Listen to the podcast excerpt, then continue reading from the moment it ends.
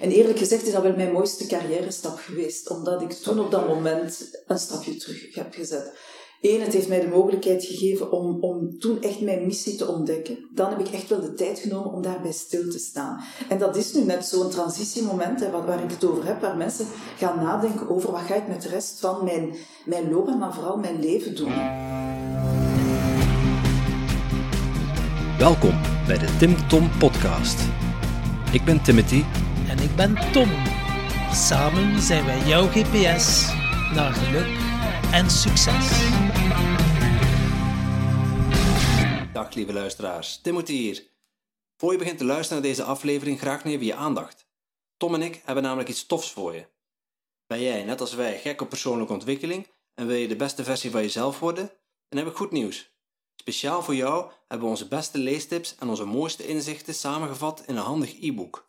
Surf snel naar www.timtompodcast.com om jouw gratis PDF te downloaden.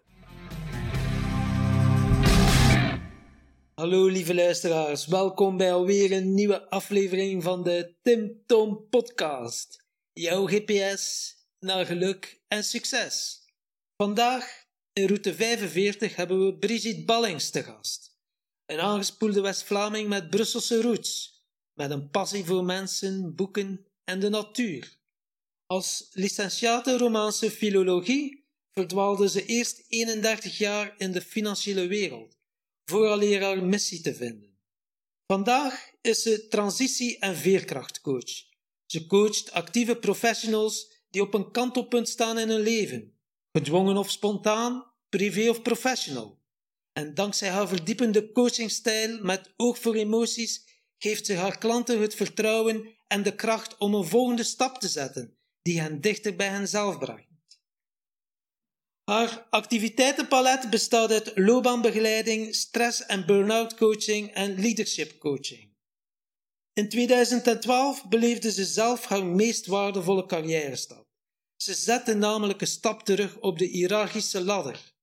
Het begin van een boeiende periode waarin ze op zoek ging naar haarzelf en naar wat ze verder wilde in, in haar leven. Ze schreef een boek over haar ervaring met een stap terugzetten volgde verschillende coachingsopleidingen en durfde het aan om in 2017 de gouden kooi te verlaten en haar eigen bedrijf Bounce Back Coaching op te starten. Veel luisterplezier. Oh ja, voordat ik het vergeet, Brigitte heeft ook nog een cadeautje voor ons. Vijf luisteraars kunnen een boek winnen. Wat hoef je ervoor te doen? Surf naar onze website Schrijf je vliegensvlug in, want de eerste vijf inschrijvingen winnen het boek. Succes en veel luisterplezier. Dag Brigitte. Goedemorgen. Goedemorgen, welkom. welkom. Tom. Ja, dank je. Welkom bij ons in de podcast. Um, Brigitte, als jij jezelf zou moeten omschrijven, uh, er komt iemand tegen in de lift.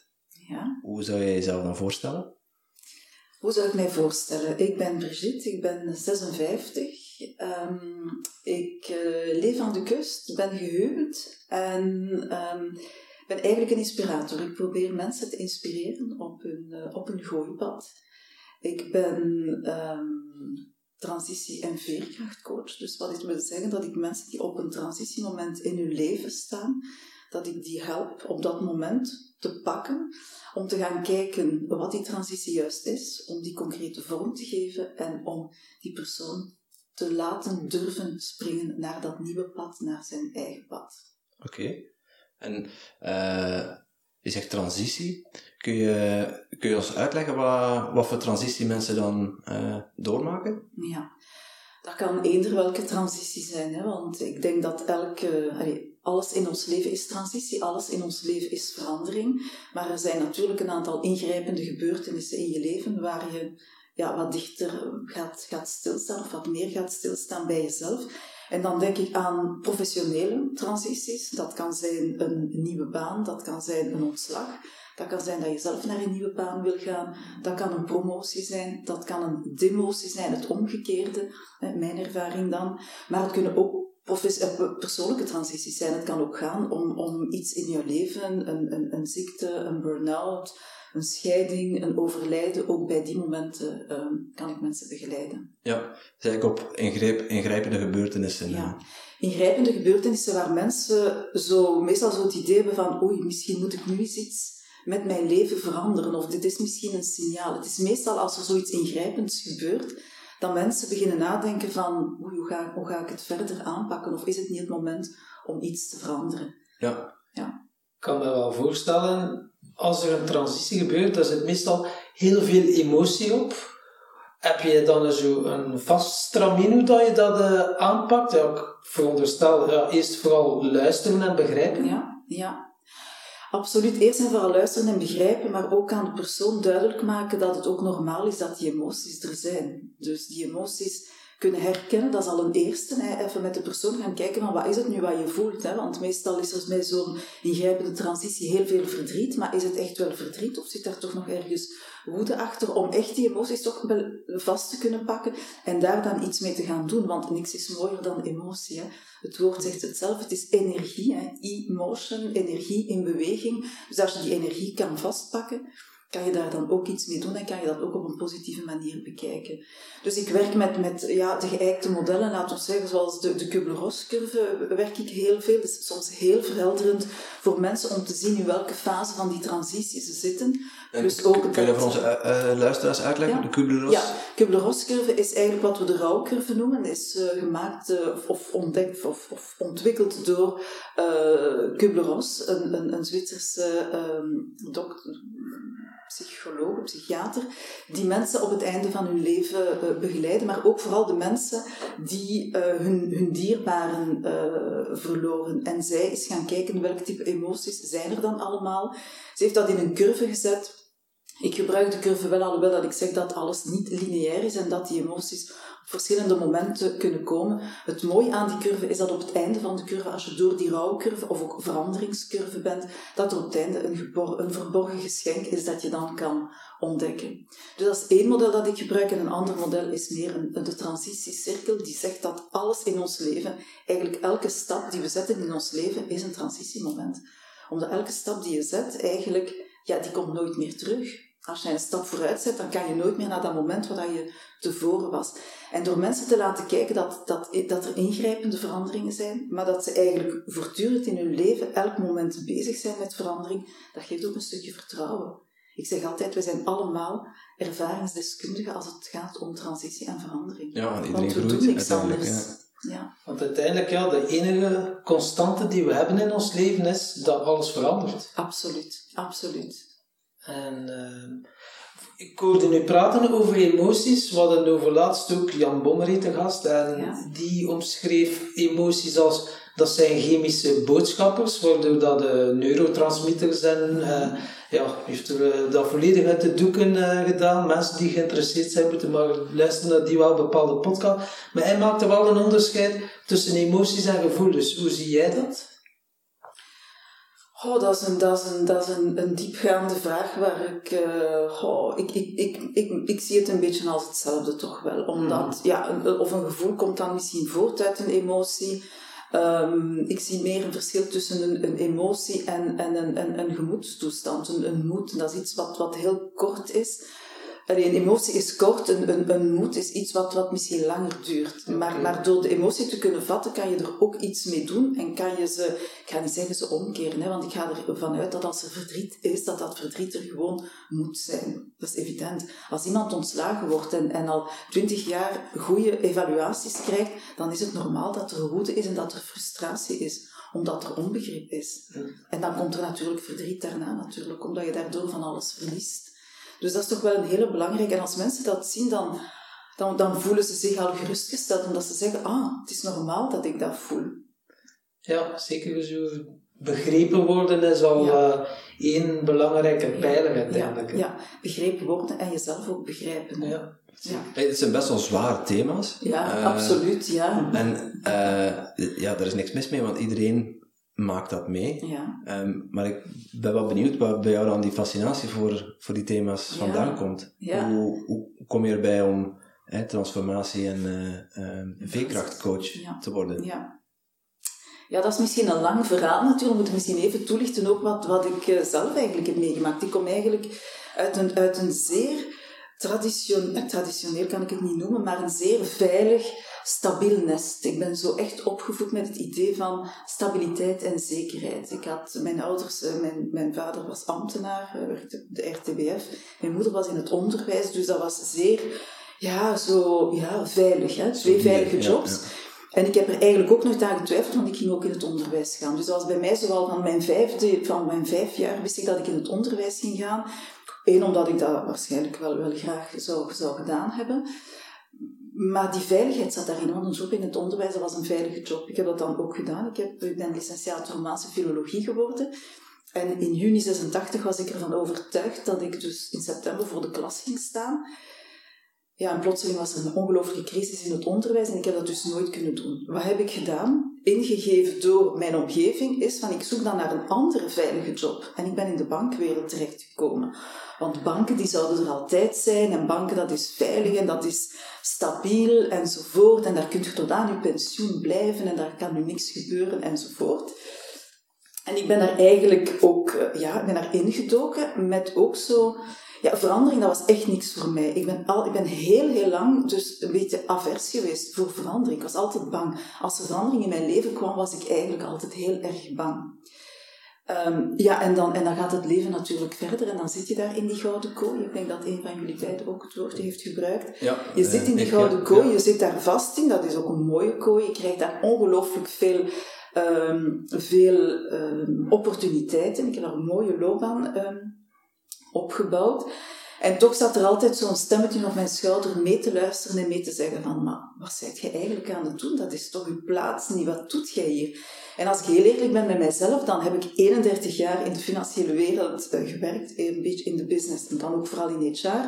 Maar de materie was toch niet wat ik wilde doen. Ik voelde altijd wel dat ik iets anders wilde doen. En, en, en regelmatig had ik zo die bedenking. Maar ja, verandering eh, boezemde mij angst in, dus ik durfde er ook gewoon niet uitstappen. Dus ik bleef. En ik had mijn vrienden die zeiden van, ja oké, okay, zet je daar nog eens met je verhaal van, eh, ik wil iets anders, je gaat dat toch niet doen. Je gaat toch uh, in die bank blijven.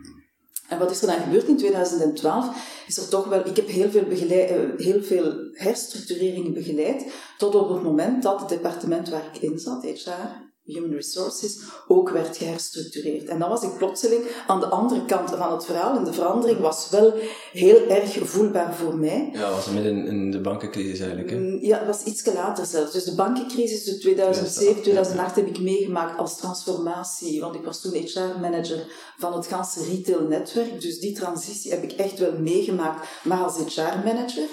Uh, waardoor dat ik de strategie van de top vertaalde naar de mensen. Maar ik kon niet bezig zijn met die mensen. En dat begon daar toen al een beetje te wringen.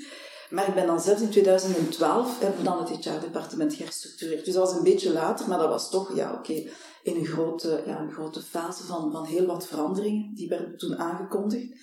En toen was ik directielid. Ik was toen, ik was directielid op een bepaald moment geworden. En toen kreeg ik de boodschap van, oké, jij mag nu of de bank verlaten, of je mag een stap terugzetten. We waren 2012, ik was toen uh, eh, 48, denk ik, als ik goed kan, uh, kan tellen. Um, ja, en ik heb dat dus niet gedurfd. Ik heb dat opnieuw niet gedurfd, omdat ik dacht van, oei, oei die bank verlaat, oeh, de, de wijde wereld in. Ik, ik durf dat dus niet en ik ben gebleven. En eerlijk gezegd is dat wel mijn mooiste carrière stap geweest, omdat ik toen op dat moment een stapje terug heb gezet. Eén, het heeft mij de mogelijkheid gegeven om, om toen echt mijn missie te ontdekken. Dan heb ik echt wel de tijd genomen om daarbij stil te staan. En dat is nu net zo'n transitiemoment hè, waar ik het over heb, waar mensen gaan nadenken over wat ga ik met de rest van mijn, mijn loopbaan, maar vooral mijn leven doen. Hè. En was dat dan een uh, stapje terug, ook op financieel vlak? Ja. Dus dat was echt wel dat je niet bij hetzelfde loon kon blijven, het was echt wel uh, inleveren. Loon is een pakket natuurlijk. Hè, en in dat pakket waren er inderdaad elementen die die, die, die veranderde, absoluut. Ja, ja, ja, absoluut. Ja, ja. Ja, maar oké, als dat transparant is en als je dat op voorhand mhm. weet, dan is dat, dan is dat oké.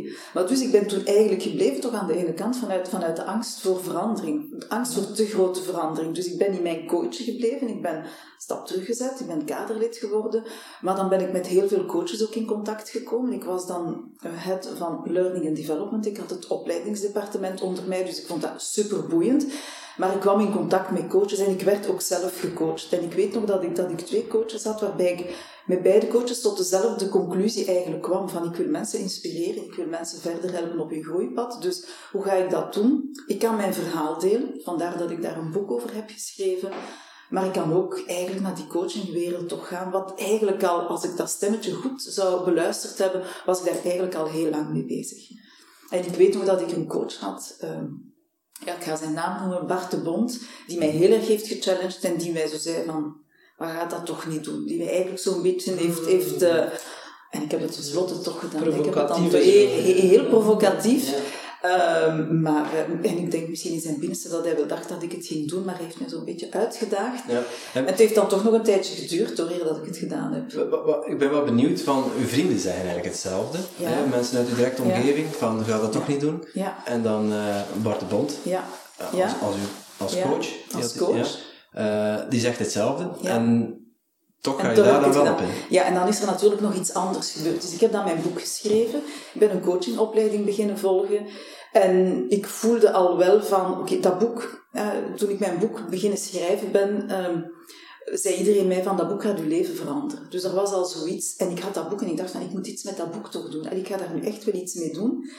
En wat er dat jaar is gebeurd, was in 2016. In mei 2016 is het boek uitgekomen. Drie dagen voor de boekvoorstelling uh, is mijn mama ziek geworden. Heb ik mijn mama zelf alleen naar, het ziekenhuis moeten doen.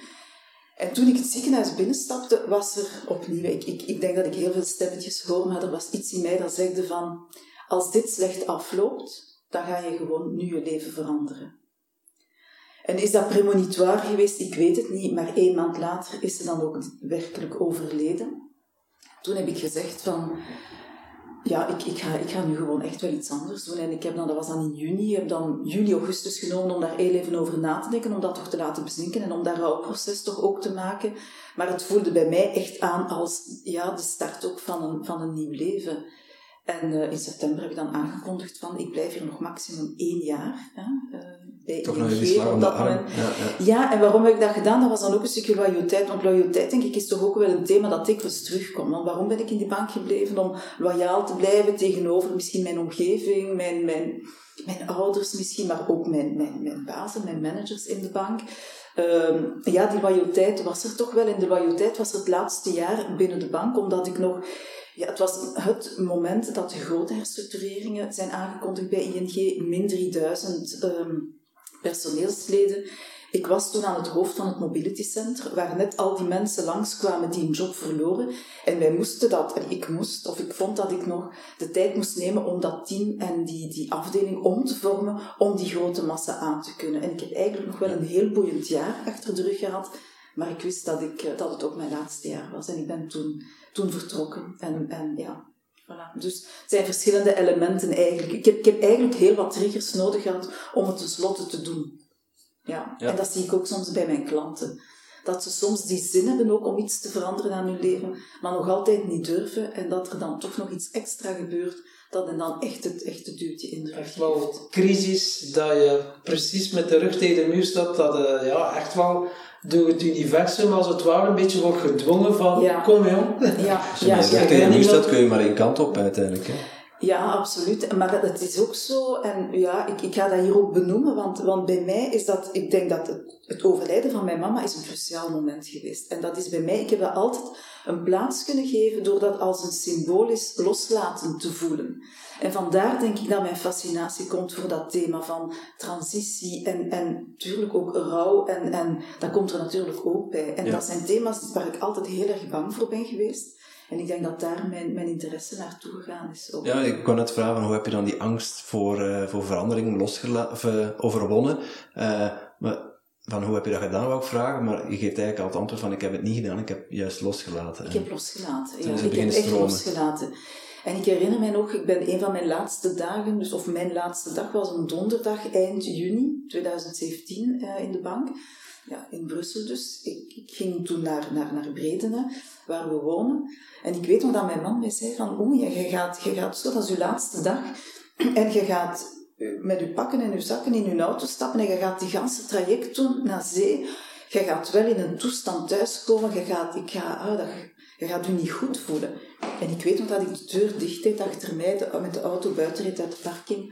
Ik dacht van, ja oké, dit, dit is wat ik eigenlijk moest doen. En ik heb geen moment, ik bedoel, dit was het meest natuurlijke dat ik maar kon doen. En, en ik heb mij daarna ook nooit geen vragen meer gesteld. Of ja, af en toe toch wel eens de angst van elke ondernemer van oei, wat heb je nu gedaan? Hè?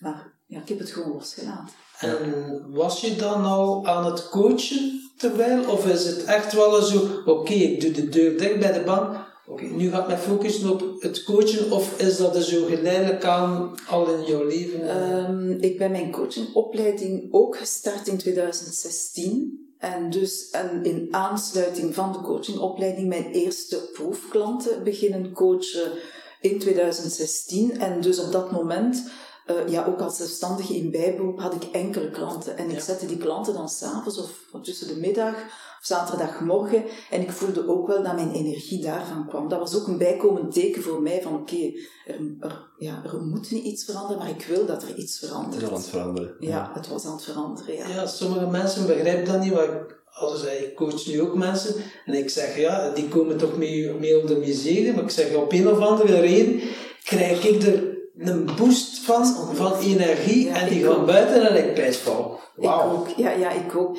Ik, ik maakte mij deze week nog de bedenking, ik had een dag opleiding gevolgd hè, rond, uh, rond een bepaalde coachingtechniek en ik had nog een klant s'avonds om zes uur en ik had zo de hele dag zo'n gevoel van, oh, ik heb nog een klant om zes uur. Ik ben, ben een ochtendtype, dus s'avonds coach ik al niet zo graag.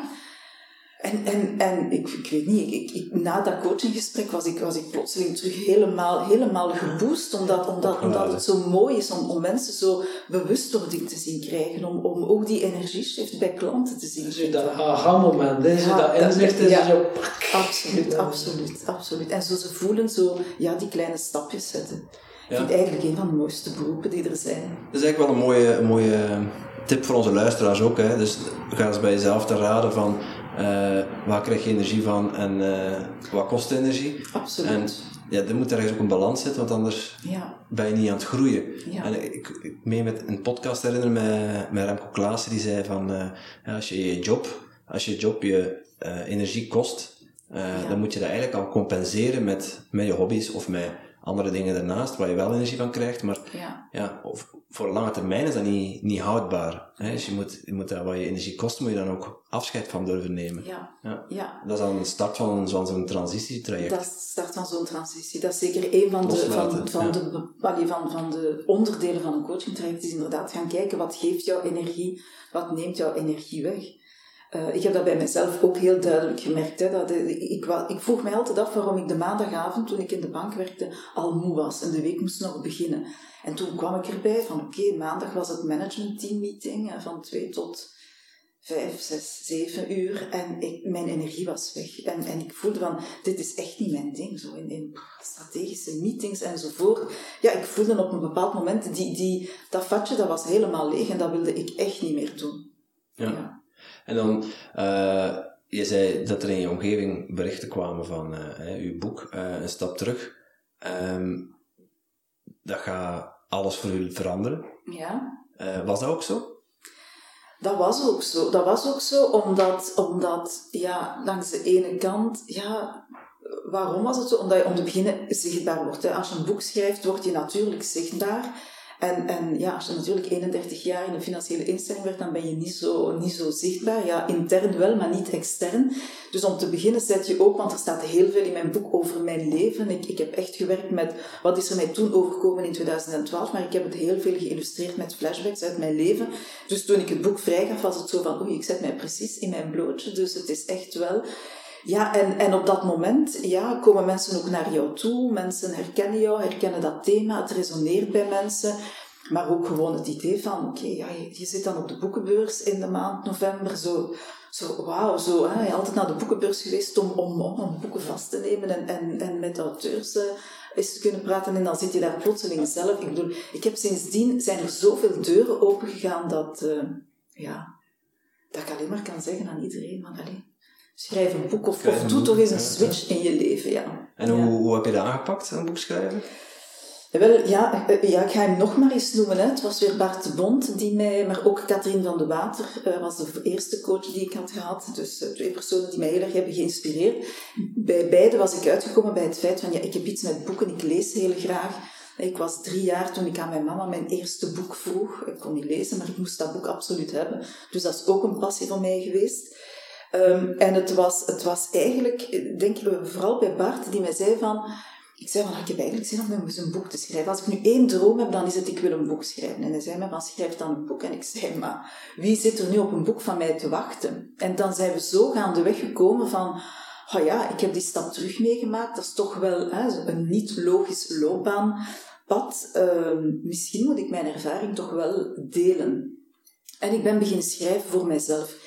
Ik ben eerst zo'n soort uitgebreid dagboek beginnen maken. Van die dag is er dat gebeurd en die dag dat. Uh, en toen dat allemaal af was, dan dacht ik van, ja oké, ik ga nu eens even spiegelen met iemand en zien of, dat, of daar iets in zit, of daar een boek van kan gemaakt worden. En dan ben ik ook via mijn netwerk terechtgekomen bij een boekcoach, Laurence Verwee, die mij dan, uh, ja, die de eerste twintig bladzijden heeft gelezen en die mij gezegd heeft, ja, oké, daar ga jij een boek van maken. En op die manier is dat begonnen. Uh, eerst gewerkt op de structuur, een schrijfweekend gevolgd om mij al wat in de, in, in de, in de, in de dynamiek te zetten. Mm -hmm. En dan heb ik mijn boek geschreven tussen oktober, ja, eigenlijk september en, en en maart, april hè, 2016 dan, uh, op enkele maanden tijd was het boek dan. En dat heb ik dan ook gedaan na mijn uren in het weekend. En dat was ook weer iets dat mij ongelooflijk energie gaf. Ja, maar dat vraagt wel wat discipline en. Uh, ja, dat is nu niet echt een probleem bij mij. ja, ja, ja. Oh, discipline, het is, het is echt ook een, een... Ik heb het nooit niet als, als iets gevoeld dat dat moest. Het was, het was, ik was echt in flow. Toen ik schreef, was ik echt in flow. Ik kon eender waar schrijven. Ik schreef aan de, aan de tafel in de living, terwijl mijn man tv kon kijken. Maar ik kon gewoon in mijn, ja, in mijn bubbel zitten. Allee, dat is nu wel een woord dat een andere connotatie nu heeft. Maar uh, toen in mijn gezellige, comfortabele bubbel om te schrijven. En ik vond dat gewoon zalig. En het, het, het, het, het wringt in mij van ik wil er ook een tweede schrijven. Dus er komt ik, uh, binnenkort een tweede boek uit. Ja, binnenkort. Uh, ja, dat is vervelend als je dat voor iedereen zegt, maar ik heb er wel zin in. Maar ik ben nog even aan het nadenken van hoe, wat, onder welke vorm. Uh, dus ja. Wat, wat zijn de, de drie mooiste inzichten volgens jou die, die lezers uit je boeken halen? Oh, de mooiste inzichten, denk ik, um, is van... Oh, er, er, is een quote die ik heel erg veel gebruik en dat is... We hebben allemaal twee levens. Uh, het tweede begint de dag dat je beseft dat je er maar één hebt. Okay. Doordenkertje. Ja. Dat is een quote van Confucius. Ik um, denk dat dat een eerste inzicht is. Van... van Oh, mensen zijn altijd zo bezig met we gaan dat, ik ga dat later doen of ik ga dat later doen. Ik hoor heel veel mensen van ik ga eerst werken en als ik met pensioen ben, dan ga ik dat doen en dan ga ik dat doen. En dat, dat is denk ik een eerste inzicht van doe de dingen nu, want het leven is nu. En ik denk zeker in de context die we vandaag meemaken nog eens te meer. Life is now. Dat is dan de verkorte versie van we hebben twee levens. Dus dat zijn zo mijn. Dus dat is een eerste inzicht. Ik denk een tweede inzicht dat is van ja, het puur carrièrematig van carrières hoeven niet lineair en gestaag altijd naar boven te gaan. De context waarin we werken is anders. Um, loopbanen duren ook langer. Je kan niet voortdurend de ladder uh, opgaan, want de ladders worden, uh, ja, worden alsmaar korter. En worden, worden kort, zijn te kort om al die carrièrejaren te kunnen altijd blijven stijgen. Ja, de dus probeer wordt ook afgezaagd ook. Ja, ja, Probeer, ook eens een, een, probeer ook eens een andere loopbaanpad. En er is niks mis mee met een stap terug te zetten. Dus ga ook de schaamte die dat eventueel kan meebrengen, ga daaraan voorbij. Want die stap terug kan je inderdaad opnieuw doen opveren naar iets anders. Ja, zodat je naar een andere ladder ja. kan overstappen. Ja, of, of uw ladder kan tegen de verkeerde muur staan en ja. dan moet je dat dan ook... Absoluut, ja. En dat is denk ik het derde inzicht dan van neem regelmatig in je loopbaan de tijd om stil te staan en om eens na te denken of je nog op je, op je eigen pad zit. Of je nog op het juiste pad zit en op je eigen pad. Dus doe, met andere woorden, regelmatig aan zelfreflectie. En je kan dat dus zelf doen. In mijn boek zitten daar een aantal tools om dat te doen, maar je kan het natuurlijk ook doen door een coach uh, bij de hand te nemen, natuurlijk. Ja. Wat concrete tips zou je geven, zelfreflectie, als mensen zeggen, ja eigenlijk, ik zou een keer reflecteren, ja, meestal wordt wat gezegd, op het einde van het jaar is wel een ideale moment om een keer te kijken naar het afgelopen jaar. Heb ik uh, mijn doelen wel behaald of zo? Maar ja, dan uh, denk ik bij mezelf, ja, je moet ook wel eerst doelen hebben om een keer te reflecteren. En zijn het jouw doelen? Klopt. Ja, zijn het jouw doelen? Want kijken of ik... Ja, als je in een, in een professionele context zit, heb je je doelen bereikt. Ja, dat zijn meestal ook niet jouw doelen. In hoeverre kan je je identificeren met die doelen? Ja. Dus ik denk zo echt, wat de, tips die ik zo meegeef, is even gaan nadenken van oké, hoe voel ik mij, hè, als we het dan echt puur carrièrematig hebben, dan hoe voel ik mij in mijn loopbaan? En ik, ik, ik werk dikwijls ook met, met een aantal vragen, zo van oké, hoe gaat het met een aantal elementen zoals de werkomgeving. Nu, dat lijkt zo vrij bezig, maar dat is niet zo bezig. Hè. De plaats waar ik werk geeft mij die energie. Uh, vind ik dat leuk om elke dag uh, in de file te staan en naar uh, mijn werk te gaan? Of ik kan misschien thuiswerken en ik vind dat dan fijn. En ga dan ook eens kijken naar de dingen die je doet. Geven die jou energie? Vind je dat leuk? Want je kan een aantal dingen goed doen, maar doe je ze nog graag? Ja. Ik ben bijvoorbeeld 29 jaar van de 31 people manager geweest ja oké, ik denk nu ondertussen wel dat ik dat kan, maar ik wil dat gewoon eigenlijk niet meer doen, want ik, vind daar, voel daar geen energie meer in. En dan ga je ook eens kijken naar, ja, wat zijn jouw competenties, jouw talenten? Kan je, heb je voldoende competenties om te doen wat je dan graag doet, of, of zijn er nog gaps? En dan komen we op het hoofdstukje persoonlijke groei. Wil je daarin investeren? En dan ga je ook eens gaan kijken naar welke waarde vind ik in mijn job. En, ja, je kan ook binnen in, in je job da, daarin investeren. Hè? Kan in je dus job als je, investeren. Als je zegt, van, ik ja. krijg energie van voor... voor hè, ik zit altijd achter mijn computer, ik heb een uh, kantoorbaan en ik krijg heel veel energie van voor groepen staan. Ja. Stel ik je voor dat je een workshop mag geven. Voor, absoluut, al is, absoluut. Al is het een interne workshop om elkaar uh, te versterken. Absoluut. Ja, maar wat ik ook wil zeggen, want het is niet omdat er iets is in jouw loopbaan dat niet oké okay is, dat, dat je meteen van job moet veranderen. Ook nee. niet. Je kan nee, binnen je job ook nog mogelijkheden om je, om je verder te ontwikkelen Ja. om die competentiegaps, Ja. zoals jij ze noemt, uh, aan te vullen. Ja, ja, ja, ja. Dus die drie eerste niveaus, daar kan je natuurlijk wel zelf iets aan doen. En dan kan je in gesprek gaan met je manager om eventueel een project bij te krijgen, je scope te verbreden. Eh, bijko- Je kan ook gaan aan jobcrafting gaan doen, hè, het boetseren van je job. Wat kan je, of voor teamcrafting met het team eens gaan kijken als jouw manager daarmee akkoord is. Dus er zijn zeker een aantal dingen die je kan aanpakken. Mijn, mijn, mijn tip is ook van neem je loopbaan echt in handen. Hè. Wacht niet tot als iemand afkomt met, uh, met iets anders, maar, maar neem het zelf in handen. Maar waar het dan moeilijker wordt, dat is dan echt gaan te kijken van, vind ik, uh, zijn, is mijn job nog congruent met wie ik ben? Ik zeg altijd van wat je doet moet eigenlijk congruent of in harmonie zijn met wie dat je bent. En dat is natuurlijk al een moeilijkere reflectie. En die reflectie kan je wel al alleen beginnen doen, maar een coaching is daar toch ook wel, denk ik, een goed... Ja, iemand die je helpt om... Iemand die jou helpt om de dieper, juiste om, om de de juiste juiste vraag te vragen te stellen. stellen, om te challengen, om dieper te gaan, om patronen misschien ook wel te helpen zien. Ja. En je ziet dat vooral ja, mensen eind het 40 die echt wel zo het gevoel hebben van ja, ik krijg hier geen energie meer van mijn job, maar dan hebben ze wel zo ja, maar ik heb een goed loon bijvoorbeeld, ja, ik verdien 2500 euro in de maand, maar ik moet hier nog uh, een huishuur uh, of uh, mijn huis afbetalen en zo. Maar ik zou liever iets anders doen, maar ja, ik moet wel brood op de plank komen. Dus hoe, Ja. wat tips geef je dan die mensen? Ja, je kunt moeilijk zeggen de volgende dag, see you, dus dat is... eh, Ja, daar geef ik, eh, geef ik daar tips. Ik ga daar eerst een keer gaan kijken van wat zijn alle belemmeringen hè, die er dan, dan zitten. Hè? Want dat is een financiële belemmering, maar misschien zijn er nog andere.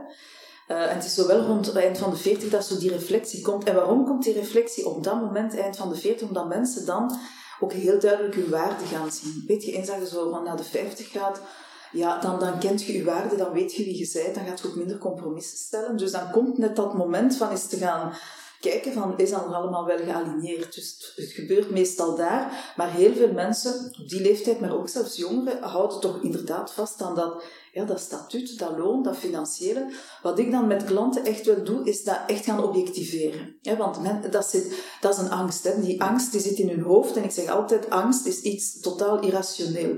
Dus we gaan proberen van te gaan kijken achter die angst wat de behoefte is. Dus we gaan het puur gaan objectiveren. En ik geef mensen als huiswerk om voor henzelf natuurlijk echt eens te gaan kijken van wat zou dat dan betekenen als ik dat loon moet opgeven? Wat betekent dat dan? Betekent hoe, heb, heb ik nog ergens een spaarpotje? Hoe, hoe, ja, hoe, lang, hoe lang kan ik het nog uithouden eigenlijk? En, en een worst case scenario, een middelscenario, een, een positief scenario. Maar dat mensen eigenlijk duidelijker krijgen van ik zeg altijd, uh, ik weet niet, ik denk dat ik dat ook uit een van mijn coachings heb gehaald, van hoe lang, en dat is heel cru wat ik ga zeggen, maar hoe lang gaat het nog, hoe lang gaat het duren vooraleer dat je aan iemand een boterham gaat moeten vragen? En door daar de over na te denken, gaan mensen toch wel zeggen van, ja, eigenlijk, eer dat het zover komt, moet er toch wel, moet ik echt wel ongeluk hebben. Ehm, en dat helpt. Dus ik probeer de angst te rationaliseren, te objectiveren, te gaan kijken naar de behoeften. Uh, en ik geef uiteraard wel mee dat ik die angst ook wel heb gehad. Hè. Ik bedoel, na 31 jaar, ik bedoel, mijn, mijn familie, mijn vrienden verklaarden mij voor gek. Hè. Ga je na 31 jaar in de bank zelf vertrekken, zelf ontslag geven?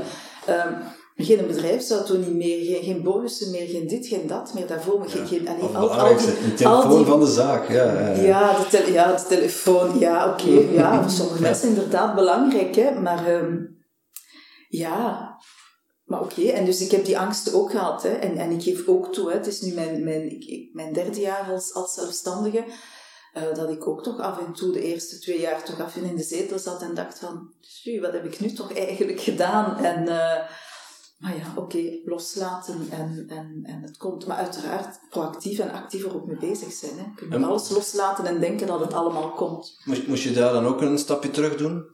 ja, natuurlijk. Uh ik heb verschillende stappen teruggezet eigenlijk. Hè. Ja, ik bedoel, het eerste ja, je, moet ook weer, je moet dat weer langzaam opbouwen natuurlijk. Je moet absoluut langzaam terug opbouwen, ja. Ja, ja, ja. Ja ik, vraag specifiek na om, mensen ook niet af te schrikken en niet, niet de verwachting te wekken van, ja, je kunt zo één op één van, wat Tom net zegt, 2.500 euro zo uh, doorstromen. Uh, of meer. En verwachten dat als je iets nieuws start, dat je op hetzelfde niveau kan starten als dat wat je 30 jaar geleden, of 30 jaar lang hebt gedaan. Ja, nee, dat is niet realistisch. Je zet, je zet, je zet, dat, hangt ervan, dat hangt ervan af in welk type business dat je gaat natuurlijk. Ik zit in de coaching business, dat is nu, mijn ganse coachingopleiding heb ik altijd gehoord van, uh, je gaat niet van je coaching business uh, jouw facturen kunnen betalen. Okay, zeker niet de eerste twee jaar, dat is, dat is duidelijk. Dus dat is ook een stap. Ja, dus dat was zeker mijn tweede of zelfs mijn derde stap terug om, het, om het inderdaad met minder te doen, maar dat lukt ook. Hè. Ja. Dat lukt ook en daar is niks mis mee. Vooral de ervaringen opdoen, hè, wat dat je dan doet. En, uh, en jezelf investeren, want dat is, blijft nog altijd de beste investering die je kan doen. Misschien niet op korte termijn, maar ja. wat dat je zaait, dan ga je oogsten. En als je de goede zaden uh, zaait, dan uh, ja. krijg je overvloed. Absoluut, absoluut. Ja, ja, ja, ja, ja zeker en vast. En, en gewoon het feit van elke morgen te kunnen opstaan en blij te zijn met wat je gaat doen, dat is mij in, in die drie jaar, heb ik denk ik nog geen ene dag, geen ene dag gehad dat ik, dat ik het gevoel had van, ah, nu moet ik iets doen dat ik niet leuk vind. Nee. Hoe ziet er bijvoorbeeld je ochtendritueel uit? Want je bent een vroege vogel. Ja. Om uh, in die energie te komen en die kracht, heb je zo bepaalde rituelen dat je altijd doet? Eerlijk gezegd niet. Ik heb eigenlijk niet echt, ik heb geen ritueel nodig om in, om in flow te geraken. Mijn ritueel is gewoon opstaan, gewoon ja, douchen, ontbijt nemen en dan begin ik eraan. En drie keer in de week doe ik een Facebook live. Dus drie keer in de week doe ik een, een Facebook live om acht uur, maandag, woensdag, vrijdag. Waarin ik ja, een aantal tips geef en alle mogelijke thema's um, aanraak die ik in mijn coachingpraktijk zie en alle thema's waar ik mee bezig ben, verandering, uh, loopbaan enzovoort. Ik heb nu vandaag uh, een aantal, een reeks afgesloten rond neem je loopbaan proactief in handen. En dat is voor mij wel, ik voel als ik dat doe, morgens dat ik daar wel een echte boost van heb. Want dan ben ik meteen, oké, ik sta voor de camera, ik praat uh, enzovoort. Dus dat, dat, dat is bij mij zo drie dagen waar mijn ritueel er iets anders uitziet, maar dat geeft mij wel, dat geeft mij wel uh, ongelooflijk veel energie. En als ik de kans heb, dan ga ik ook morgens eerst even een wandeling doen.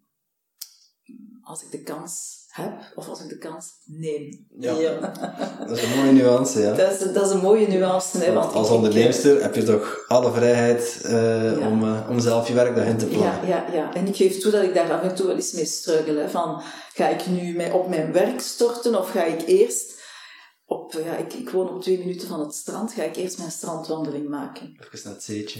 Even naar het zeetje, ja. ja, ja. Dus uh, dat blijft een struggle. Maar dat is, als ik de dag zo begin, dan voel ik natuurlijk ook dat ik ongelooflijk veel energie heb. Ja. Over het zeetje gesproken, uh, ik zou het bijna vergeten, maar onze vraag van de vorige gast, ja? die uh, persoon vroeg zich af, mocht je, mocht je nu kiezen en je mocht eender waar wonen in deze wereld, waar zou dat dan zijn en waarom?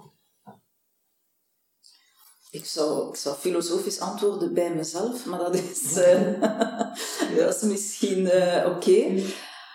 Oh, ik, ik, heb, ik heb niet zo... Ja, natuurlijk, ik woon, ik woon fantastisch. Hè. Ik bedoel, als je kan zeggen van op twee minuten sta ik in de duinen en op het strand... Uh, dat is gewoon zalig. Of, of ik neem heel even de auto en dan kan ik ook in de polders gaan, gaan, gaan, gaan wandelen, in de natuur zijn.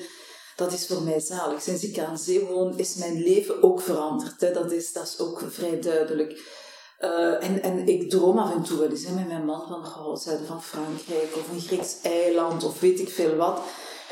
En dan, en dan zeggen we van, oh, maar we zijn toch ook wel goed thuis waar we nu zijn. Dus ik heb niet zo'n grootse plannen om, om ergens... Uh, ik voel me eigenlijk goed waar ik nu ben. Ja, een heel mooi antwoord. Ja. Dat is super uiteindelijk. hè? En ja. uiteindelijk, ja, mensen denken soms, je zit vast, maar je zit niet vast. Je hebt maar één leven en uiteindelijk er is altijd een weg. Hè?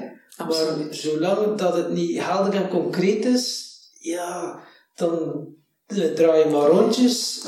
Ja, wat ik soms heb, zo, dat, ik voel dat mensen altijd zo altijd iets anders willen. Ik bedoel, geluk is precies altijd iets dat, dat nog moet komen. En mensen willen altijd hè, een beetje hè, meer, beter of anders. Mensen denken altijd dat het geluk elders ligt. En ik denk dat het geluk gewoon is vandaag.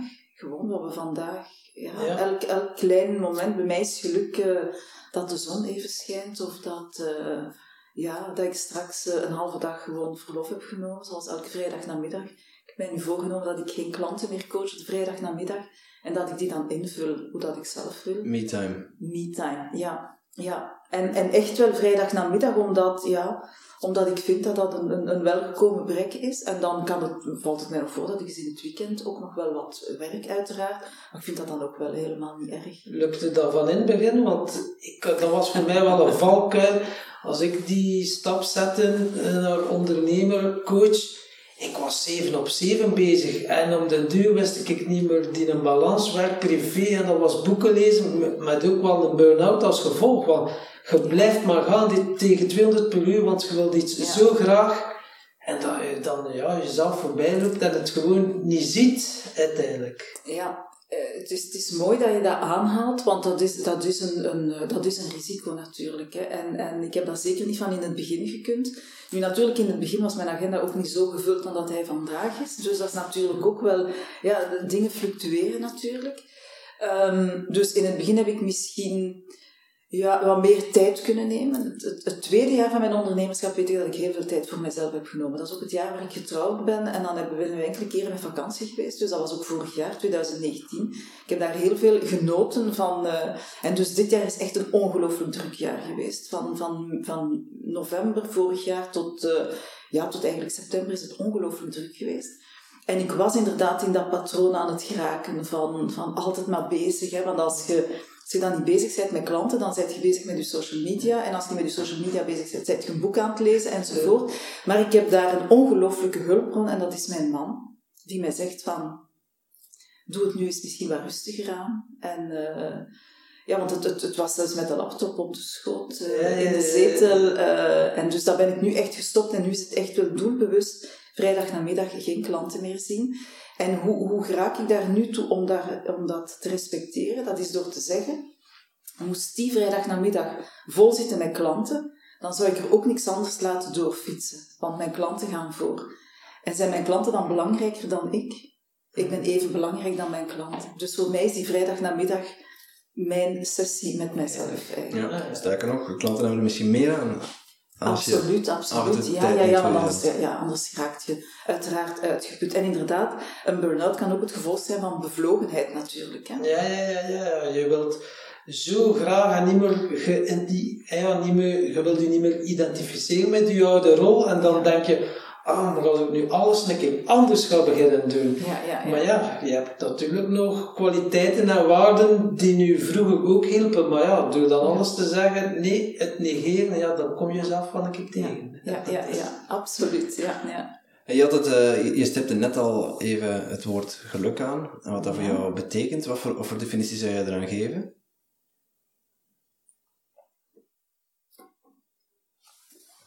Geluk. Ja, eigenlijk goed zijn met wie je bent en bewust zijn van de kleine dingen. Ik geloof niet in met een grote G, zo een grote definitie. Ik denk, ja, goed zijn, ja, gealigneerd met wie je bent voelen dat dat hier allemaal ja, coherent en in harmonie is. Eh, wat je doet, wat je voelt, wat je zegt. Uiteraard ook met anderen. Hè. In connectie met anderen denk ik ook wel een belangrijke. Maar dan ook gewoon, ja, gewoon de, de, de, de, kleine dingen van elke dag van, van daar oog voor te hebben. Want er is niks zo erg van die, van die niet te zien. Dat is voor mij geluk. Meer moet het niet zijn. Ja, eenvoudig. Eenvoudig, ja. Ja, mooi. ja. En als je eh, succes zou definiëren, wat zou dat voor jou betekenen, Birgit? Succes zou ik definiëren als je nou samen bij geluk natuurlijk, maar dat is ergens de, de missie die je hier uh, hebt. Ik geloof altijd dat we allemaal ergens een missie hebben, dat je die kan, dat je die kan vervullen. Um, dat, je, ja, dat je jouw missie kan vervullen. En dat je daarbij misschien anderen kan inspireren. En nu dat we het over missie hebben, uh, heel concreet, wat is jouw missie? Heeft dat ook een tijdje geduurd voordat dat je die glas helder had? En elk woord wikken en wegen, want ja, je hebt heel veel oefeningen in die coachingstrajecten, hè? purpose en noem maar op. Ja, ja. Ik denk dat de, de meest, uh, de, de, de, moeilijkste vraag die ik ooit kreeg was van wie ben je? Dat is een vraag die mij in een coachingsessie helemaal heeft doen blokkeren. En ik, heb, ik weet nog, ik zie hier nu ook uh, in jullie studio, ik zie ook een boom buiten, maar ik keek toen naar die boom en ik dacht van, ik weet eigenlijk niet wie ik ben. Dus dat was echt het begin van mijn bewustwording. Laat staan dat ik dan wist wat mijn missie hier was. Maar ik heb altijd ergens gevoeld dat mijn missie was um, ja, van toch mensen te helpen op hun groeipad. Dat is, zo'n hele dag. Mensen inspireren en helpen op hun groeipad. En hoe doe ik dat? Door, door mijn eigen levenservaring, door mijn eigen, wat ik zelf heb meegemaakt. En ook denk ik door de dingen die ik heb geleerd. En vandaar dat onder die grote missie zit ook de missie van elke dag gewoon bij te leren. En je van mijn mentors zei inderdaad, ja, wie ben je? Uiteindelijk zijn wij een verzameling van ervaringen waar dan wij een selectie uit maken. Want als dan iemand zegt van, ik ken een slechte jeugd gehad, die heeft dan vooral de ervaringen genomen die negatief waren. Ik ken een goede jeugd gehad, die neemt dan vooral de positieve ervaringen. En ja, ging er wat dieper over nadenken. Dus uiteindelijk kiest je wel zelf je ervaringen en dat maakt ook wie dat je bent. Absoluut. En uiteraard maken die slechte ervaringen wel deel uit natuurlijk van wie je bent. Um, ja, uiteraard, ja. Maar wie je bent zijn ook jouw waarden, is ook wat belangrijk is voor jou in het leven. En, uh, en is niet zo, want als je die vraag stelt aan mensen, wie ben je, dan komt meteen, meestal komt meteen de job en de functie. Ja, en, leeftijd, job, functie, ja, uh, ja, sociale status, uh, kinderen. Ja. Zijn jouw waarden uh, als je nog in de financiële sector uh, zat. En nu zijn die veranderd, jouw waarden, jouw kernwaarden, of zijn die uh, hetzelfde? Oh, mijn kernwaarden zijn denk ik toch wel ergens altijd hetzelfde gebleven. Maar, maar ja, het was waarschijnlijk de, de, de manier waarop dat die beleefd werden, dat ik dat op een andere manier wilde gaan doen. Maar ik denk dat ik altijd wel dicht bij ja, mijn, mijn kernwaarden van, van eerlijkheid, transparantie, verbinding toch wel altijd ben geweest. Maar niet altijd misschien de kans heb gehad om die helemaal te doen bloeien, waarschijnlijk. Ja. ja. En heb je het gevoel dat dat nu beter lukt? Ja. Ik bedoel, ik, ik, ja, ja.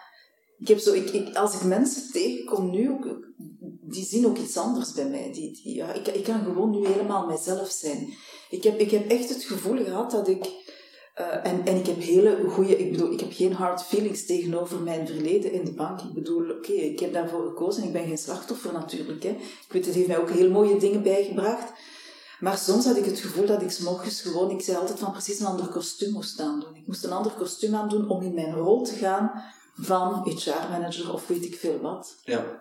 En er waren wel natuurlijk momenten waarop ik echt mijzelf kon zijn en in verbinding kon gaan. En ik besefte dat dat momenten waren waar ik echt met mensen individueel kon, kon praten. Waar mensen mij kwamen zien omdat ze hun hart wilden luchten en zo. Dat waren die momenten waar ik voelde, ja, dat, dat ben ik. Maar degene die daar staat voor het managementteam van HR een presentatie te doen over de nieuwe performance management cyclus enzovoort, dat dacht ik van, ja, dat is niet, dat, dat, dat voelde niet meer comfortabel dat resoneert, Dit resoneert niet meer. Ja, ja, nee, absoluut niet. En ja, lifelong learning is heel belangrijk. Doe je nu nog altijd, uh, volg je nu nog seminars of uh, noem maar op, of opleidingen? Of heb je zo van, oké, nee, de cirkel is rond, nu is vooral de focus op... Uh... Die coachingwereld is zo boeiend en er is zoveel te leren dat ik mij soms de bedenking maak van, ah, had ik dat nu toch maar twintig jaar eerder gedaan, ja, dan had ik al al die bagage ha, ik, ik, ik, kan, ik kan gewoon niet stoppen. Ik kan niet stoppen van één van boeken te, te, te kopen. Dus ik ben, ik ben echt... Dus ik heb stapels te lezen. Ik probeer die dan ook te lezen, maar de stapel ongelezen is, uh, is, uh, is, is, nog vrij groot eigenlijk. Dus, uh, maar ik neem die dan ook in functie van de topic die zich aandient. En oké, okay. lezen, maar ook uiteraard heel veel opleidingen. Ik, ik maakte mij onlangs ook de bedenking dat toen ik in de financiële wereld was, dat ik veel minder in mijn, mijn ontwikkeling investeerde ja, dan, dan nu. Ik ben, ik ben voortdurend bezig. Dus elk jaar zorg ik er ook voor dat ik mijn soort persoonlijk ontwikkelingsplan heb en dat ik een aantal thema's ga belichten. Dus ik heb uiteraard, ik ben gestart met een, een traditionele uh, eh, ICF-gecertificeerde coachingopleiding, een langdurige opleiding van één jaar. Maar dan heb ik dat aangevuld met andere dingen. Ik ben naar Nederland geweest om uh, Secure Base coaching te gaan volgen. En dat is, uh, secure Base coaching gaat net over gans dat verhaal van die transitiecirkel, om en mensen echt wel te kunnen begeleiden in dat idee van transitie, hechting, verbinding, afscheid nemen, rouwen, betekenis geven en de cirkel opnieuw ingaan. Ik vond het een zeer, zeer diepgaande uh, opleiding, dus dat heeft echt wel ook... Ja, als je coacht, als je zelf coach bent en zelf opleidingen gaat volgen, werk je natuurlijk ook voortdurend aan jezelf. Tuurlijk, komt ja, heel dat, is een mooie, dat is een mooie, een mooie wisselwerking. Hè? Dat is een fantastische wisselwerking. Het is een ja, ja, grote ja, leerschool eigenlijk. Ja, ja, ja. Dan heb ik ook stress- en burn-out coaching erbij gedaan. Uh, nu ben ik bezig met een opleiding rond voice dialogue. Ah, ja, dus, uh, ja, ja, ja. dus ik, ik, en mijn, mijn andere ja, ik en mijn andere ja, ik heb hem staan boek, Ja, ja, ja, ja. Dus, dus uh, de, de, de primaire stukken, hè, zo het, beeld van we hebben verschillende ikken in ons en we zitten eigenlijk allemaal in een bus en aan het Ja. stuur zitten hè, de meest, uh, ja, degenen die het, ja, die het meest aanwezig zijn, maar daarachter in hun bus van achter zitten Ja. al die verstoten delen en om daar naar op zoek te gaan, dat vind ik zo, uh, zo boeiend. Hè. De klant die zegt van ik heb een kant in mij die dat zegt en een kant in mij Ja. die dat zegt. Van daar op zoek naar te gaan, dat vind ik super dan boeiend. die gestaltdialoog en dan ga je Ja, ja, ja, verschillende... ja, ja, die posities innemen en klopt. eh, ja, vind ik echt wel... eh, en mijn hypnose of NLP, ja, je werk je constant met metaposities en dat is ongelooflijk Dat wat je zalig, er hè. uh, Ja, ja, mee ja. kunt uh, bewerkstelligen. Dus daar ben ik nu mee bezig. En eind van de maand start ik ook een opleiding van perfectionisme coach. Omdat dat toch ook wel een thema is dat bij heel veel van mijn klanten eh, terugkomt. En af en toe bij mij ook nog. Dus ja, ik stop niet. Ik vind lifelong learning. Ik, ik denk dat lifelong learning eh, is bij mij een thema dat, dat ingecijpeld is, wel dankzij de bank. Omdat ik in, eh, net na die stap terug mocht ik dan een project doen rond employability, inzetbaarheid. En dus echt het, het levenslang leren. En dus daar heb ik echt een mooi project voor uitgewerkt in de bank. En dat heeft mij dan ook die zin gegeven om, om eindelijk zelf ook eens op te pakken. hè. Ja, ik, ik doe het ook. Ik heb zo een budget, 5000 euro per jaar. En dat ga ik elk jaar zo, oh ja, opsoeperen aan, eh, aan opleidingen, eh, boeken, noem maar op. Ja, seminars. Seminars, ja, eh, seminars, webinars, webinars. Ja. Ja, ik volg ook heel veel dingen online. Ja, ja, ja, absoluut. En wie zijn er zo uw favoriete inspiratiebronnen? Zo, dat je nu een top 3 zou mogen geven van kijk, die personen die hebben mij al het meest geïnspireerd. Dat is zeker en vast Brené Brown. Ja, Brown. Brené Brown met alles rond kwetsbaarheid, schaamte enzovoort. En ook het feit van niet perfect te zijn. Dat is zeer duidelijk. Dat is, dat is bij mij ook, haar boek heeft mij ook heel veel inzichten gegeven. Vind ik fantastisch. Raad ik ook dikwijls aan aan mijn klanten. Dan naar, ehm, naar, naar leiderschap, communicatie en conflicthantering. George Koolrieser. George Koolrieser is een, een vroegere ehm, gijzelingsonderhandelaar, eh, die ondertussen eh, psycholoog, gijzelingsonderhandelaar en vandaag professor aan het IMD in Lausanne. En die dus echt wel leiders, eh, ja, leiders inspireert, opleidt. Dat is ook een ongelooflijk boeiende man. En ik, ik raad zijn boek heel dikwijls aan als ik, als ik managers en leiders coach. Eh, omdat het echt wel gaat rond, rond ja, opnieuw die verbinding met anderen. Het niet in de slachtofferrol gaan, maar ook de conflicten op tafel durven leggen, de open communicatie aangaan. Dat vind ik ongelooflijk En wat is de eh, titel van zijn boek? inspirerend. Ehm, hostage at the table, eh, laat je niet gijzelen. Omdat we ons ook laten gijzelen door onze eigen gedachten. Hè? Dus ik geef het ook soms aan mensen die geen... Die, naar persoonlijk leiderschap is het ook een belangrijke. ik. noteren ze. Ja. Ja, ja, ja, ja, vind ik, vind ik Ah, supergoed. Oh, en dan nog een inspirator, dat is nu echt wel een moeilijke nu. Die een derde vind ik niet zo. Ik laat mij zo inspireren door zoveel mensen. Ehm, ik ga bij die top 2 houden. De Ja, vind ik niet. Als ik nog een derde zullen- we vind... zullen de Tim Tom podcast eraan toevoegen. Ja, Ja. voilà, voilà, inderdaad. Ja, Mooi dat is een goeie. Dat is een goeie. We kunnen geen, geen halve lijstjes eh, neerzetten natuurlijk.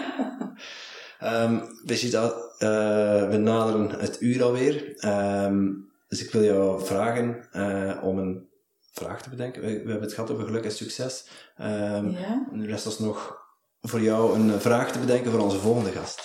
Ja. Ik had daar al ja, een vraag voor jou. Ik zou zoiets willen... Ja, aan de volgende gast zou ik willen vragen van hoe die persoon weet of hij of zij op haar eigen pad zit. Ja, oké. Dus Als het, vanuitgaande dat hij op zijn juiste pad zit natuurlijk. Ja, maar dan kan het misschien net triggeren. Mooi. Ja? Ik ben benieuwd. Eh, goed. Ehm, als mensen meer informatie over jou eh, willen opzoeken, waar kunnen ze aan terecht? Eh, ze kunnen sowieso terecht op mijn, mijn website, www.brigitballings.be. Daar staat heel wat op. Ik heb een Facebookpagina persoonlijk. Ik heb een eh, Facebookpagina van mijn bedrijf dat Bounce Back Coaching noemt. Ja, dat was ik eigenlijk nog vergeten te zeggen. Dus ik heb mijn initialen BB handig kunnen gebruiken Ah. in, het, eh, in de naam Bounce van mijn Back. bedrijf, Bounce Back Veerkracht. Eh, ja, dus Facebook ben ik aanwezig, ik ben op Twitter aanwezig, ik ben op Instagram aanwezig, ik ben uiteraard op LinkedIn aanwezig. Eh, Dus eigenlijk op de ja. gebruikelijke kanalen kunnen Op ze alle gebruikelijke kanalen ben ik wel zichtbaar. Dus mijn Facebook Live elke maandag, woensdag, eh, vrijdag. En dan uiteraard is er mijn boek dat ook kan besteld worden nog altijd bij bol.com. Bij Witsand Ja, Uitgevers. een stap terug. Een stap terug, Ja. ik denk er niet aan. En eh, ik begreep van jou Ja. dat jij een verrassing hebt voor onze Ja, luisteraars. ik heb een verrassing voor de luisteraars. Ik geef eh, vijf van mijn boeken aan de vijf eerste luisteraars die zich bij jullie manifesteren. Hoe doen we dat? Ik ga een, eh, een Ja. formulier op onze, Ja. op onze blogpagina zetten. Ja. Ehm, laten we ervan maken www.timtompodcast.com slash Brigitte. Ja. En dan kunnen mensen zich daar aanmelden voor, ja, Ja, om een exemplaar te winnen voor ja, uw boek. inderdaad. Laten we zeggen de vijf eerste. hè. Dat is goed. Ja, de snelle. De snelle. Dus- Snel beslisser. Inderdaad, heel mooi. Is er nog zoiets dat je, waar dat we het nog niet over gehad hebben, dat je denkt van, hm, dat is ook nog interessant om eh, te delen met onze luisteraars? Goh, we zouden nog zoveel andere thema's kunnen. eh, ik denk dat ik, ik ben zelfs niet bewust dat we al een uur aan het praten zijn. Dus Ja, ik denk wel, dat ja. eh, ik denk, eh, ja, ik zou uren kunnen praten over al die boeiende coachingthema's. Ehm ja, nee. En misschien nog tot slot eh, vragen we aan onze gast nog een, eh, een wijsheid of een quote dat u enorm heeft geïnspireerd of zo. eh. Ja, ik blijf dan bij, bij mijn quote van we hebben we all have two lives. The second begins when we realize we only have one. Ik vind dat een hele mooie Dat afsluiter. staat ook op mijn visitekaartje. En, ja. Ja, dan willen wij jou van harte bedanken voor dit eh, heel boeiende gesprek. Ik bedank jullie voor de mooie opportuniteit. Ja, dat is tof. Ja.